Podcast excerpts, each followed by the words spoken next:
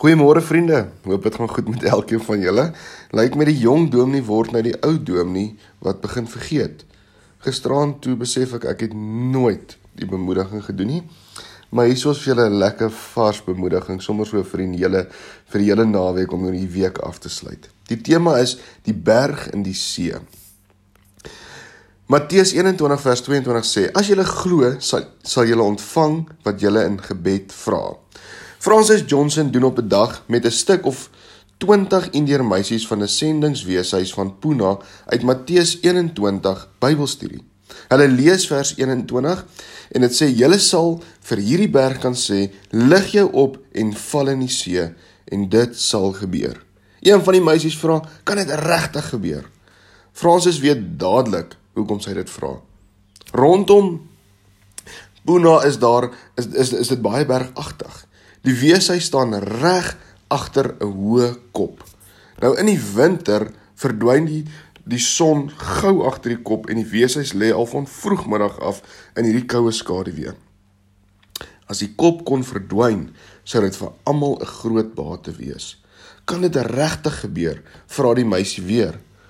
Francis se geloof het vir so 'n dramatiese gebeurtenis baie kort geskied. Sy sê, "Kom ons bid almal daaroor."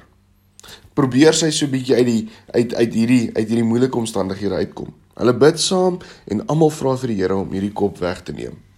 Juis op daardie tydstip moet Fransis vir 'n paar weke weggaan. Toe sy die meisie groet, moes sy beloof het om saam met hulle aan te hou bid dat die Here hierdie kop sal wegneem. En dit was half 'n halfhartige belofte van Fransis af gewees. 'n Paar dae na vertrek daag 'n staatsamptenaar by die weeshuis op. Sy departement wil 'n grond herwinningsprojek langs die baai aanpak. En hulle het grond nodig om dit te kan doen. En toe vra hulle, "Maar kan hulle nie hierdie stuk grond, hierdie kop wat voor die weeshuis is koop nie?" Die transaksie word gou afgehandel en binne 'n paar dae is daar die gedreuning rondom hierdie weeshuis van strootskrapers en vragmotors en almal is besig om hierdie kop weg te ry see toe. Fransis kan haar oë nie glo toe sy na 'n paar weke by die weeshuis tuiskom nie. Die kop het verdwyn. Dit lê in die see. Die laatmiddagson skyn warm oor die weeshuis. Die meisie se geloof is beloon.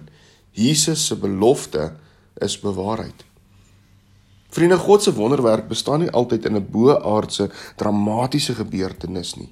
Hy orden omstandighede en bestuur mense planne op 'n wyse wat sy wil 'n werklikheid maak. En waar omstandighede en mense planne tekortskiet vir die vir um, vir wat moet gebeur, gebruik God sy wonderwerkende krag, want hy is almagtig. As ons verhouding met God reg is en ons deur Jesus Christus sy kinders is, kan ons Jesus se belofte ernstig opneem en met die Heilige Gees se ondersteunende krag van ons hemelse Vader kan ons vir hom vra wat ons nodig het. Die Gees staan ons ook in ons swakheid by.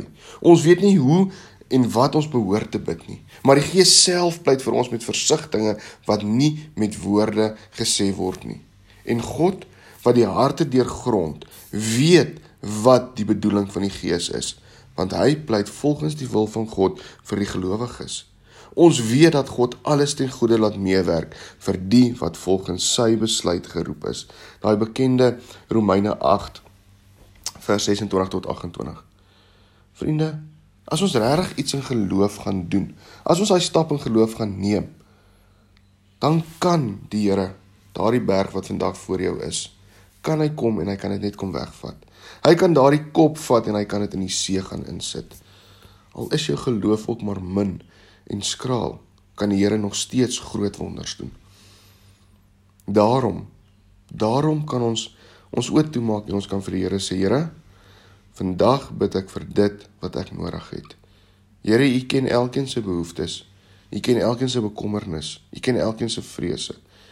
En ons kom bid spesifiek vandag vir elkeen se berge. Here, laat U daai berg sal kom skuif en laat U die warm son op elkeen sal laat skyn. Dankie dat ons dit vir U kan vra, o Here. Amen.